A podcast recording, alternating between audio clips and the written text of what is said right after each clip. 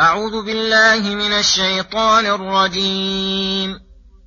ألم تر أن الله يولج الليل في النهار ويولج النهار في الليل ويولج النهار في الليل وسخر الشمس والقمر كل يجري إلى أجل مسمى وأن الله بما تعملون خبير. ذلك بأن الله هو الحق وأن ما يدعون من دونه الباطل وأن الله هو العلي الكبير. ألم تر أن الفلك تجري في البحر بنعمة الله ليريكم من آياته؟ إن في ذلك لآيات لكل صبار شكور. وإذا غشيهم موج كالظلل دعوا الله مخلصين له الدين فلما نجاهم إلى البر فمنهم مقتصد وما يجحد بآياتنا إلا كل ختار كفور يا أيها الناس اتقوا ربكم واخشوا يوما لا يجزي والد عن ولده ولا مولود ولا مولود هو جاز عن والده شيئا إن وعد الله حق فلا تغرنكم الحياة الدنيا ولا يغرنكم بالله الغرور إن الله عنده علم الساعة وينزل الغيث ويعلم ما في الأرحام وما تدري نفس ماذا تكسب غدا وما تدري نفس بأي أرض تموت إن الله عليم خبير بسم الله الرحمن الرحيم. السلام عليكم ورحمة الله وبركاته. يقول الله سبحانه ألم تر أن الله يولج الليل في النهار ويولج النهار في الليل وسخر الشمس والقمر؟ كل يجري إلى أجل مسمى وأن الله بما تعملون خبير. وهذا فيه أيضا انفراد بالتصرف والتدبير وسعة تصرفه بإيلاج الليل في النهار وإيلاج النهار في الليل أي إدخال أحدهما على الآخر فإذا دخل أحدهما ذهب الآخر. وتسخير للشمس والقمر يجريان بتدبير ونظام لم يختل منذ خلقهما ليقيم بذلك من مصالح العباد ومنافعهم في دينهم ودنياهم ما به يعتبرون وينتفعون. وكل منهما يجري إلى أجل مسمى. إذا جاء ذلك الأجل انقطع جريانهما وتعطل سلطانهما.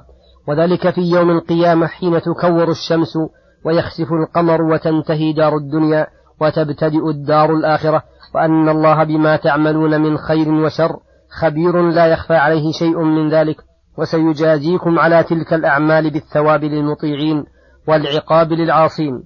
ذلك الذي بين لكم من عظمة وصفاته ما بين بأن الله هو الحق في ذاته وفي صفاته ودينه ودينه حق ورسله حق ووعده حق ووعيده حق وعبادته هي الحق.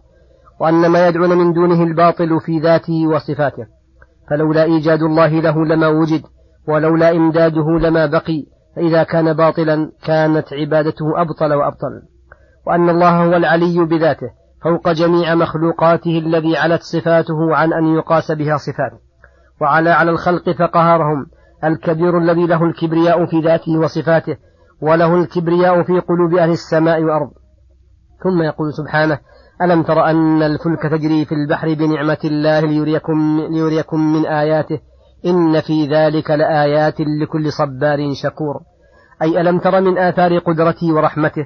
وعنايته بعباده أن سخر البحر تجري فيه الفلك بأمره القدري ولطفه وإحسانه ليريكم من آياته. ففيها الانتفاع والاعتبار.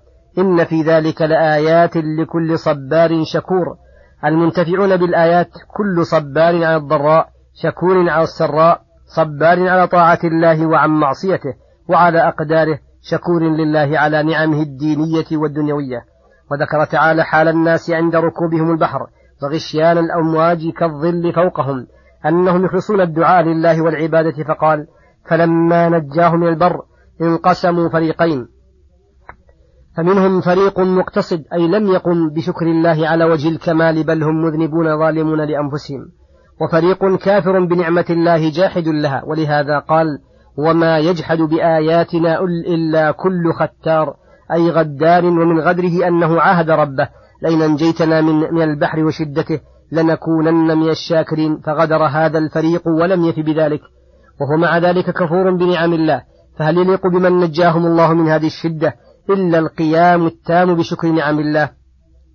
ثم يقول سبحانه يا أيها الناس اتقوا ربكم واخشوا يوما لا يجزي واد عن ولده ولا مولود هو جاز عن والده شيئا. إن وعد الله حق فلا تغرنكم الحياة الدنيا ولا يغرنكم بالله الغرور.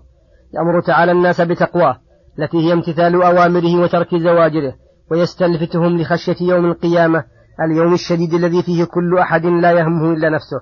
واخشوا يوما لا يجزي والد عن ولده ولا مولود هو جاز عن والده شيئا يزيد في حسناته ولا ينقص من سيئاته. قد تم على كل عبد عمله وتحقق عليه جزاؤه. فلفت النظر لهذا اليوم المهول مما يقوي العبد ويسهل عليه تقوى الله. وهذا من رحمة الله بالعباد. يأمرهم بتقواه التي فيها سعادتهم ويعدهم عليها الثواب ويحذرهم من العقاب ويزجرهم عنه بالمواعظ والمخوفات. فلك الحمد يا رب العالمين.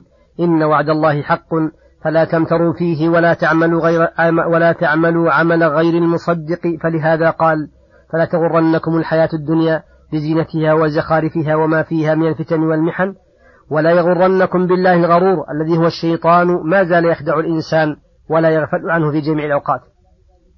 فإن لله على عباده حقا فقد وعدهم موعدا يجازيهم فيه بأعمالهم وهل وفوا حقه أم قصروا فيه؟ وهذا أمر يجب الاهتمام به.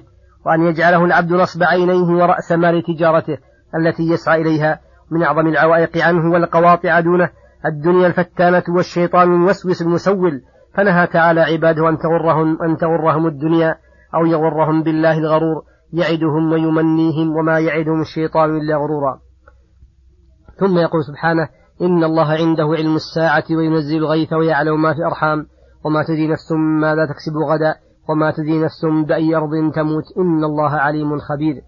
قد تقرر أن الله تعالى حاط علمه بالغيب والشهادة والظواهر والبواطن وقد يطيع الله عباده على كثير من الأمور الغيبية وهذه الأمور الخمسة من التي طوى علمها عن جميع الخلق فلا يعلمها نبي مرسل ولا ملك مقرب فضلا عن غيرهما فقال. إن الله عنده علم الساعة. أي يعلم متى مرساها؟ كما قال تعالى يسألونك عن الساعة أيان مرساها؟ قل إنما علمها عند ربي لا يجليها لوقتها إلا هو لا تأتيكم إلا بغتها الآية. وينزل الغيث أي هو المنفرد بإنزاله وعلم وقت نزوله ويعلم ما في الأرحام فهو الذي أنشأ ما فيها وعلم ما هو هل هو ذكر أم أنثى.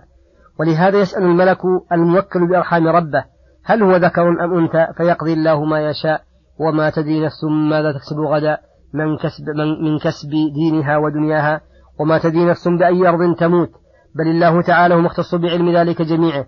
ولما خصص هذه الأشياء عمم علمه بجميع الأشياء فقال إن الله عليم خبير محيط بالظواهر والبواطن والخفايا والخبايا والسرائر. من حكمته التامة أن أخفى علم هذه الخمسة عن عباد لأن في ذلك من مصالح ما لا يخفى على من تدبر ذلك. وصلى الله وسلم على نبينا محمد وعلى آله وصحبه أجمعين. وإلى الحلقة القادمة غدا إن شاء الله. والسلام عليكم ورحمة الله وبركاته.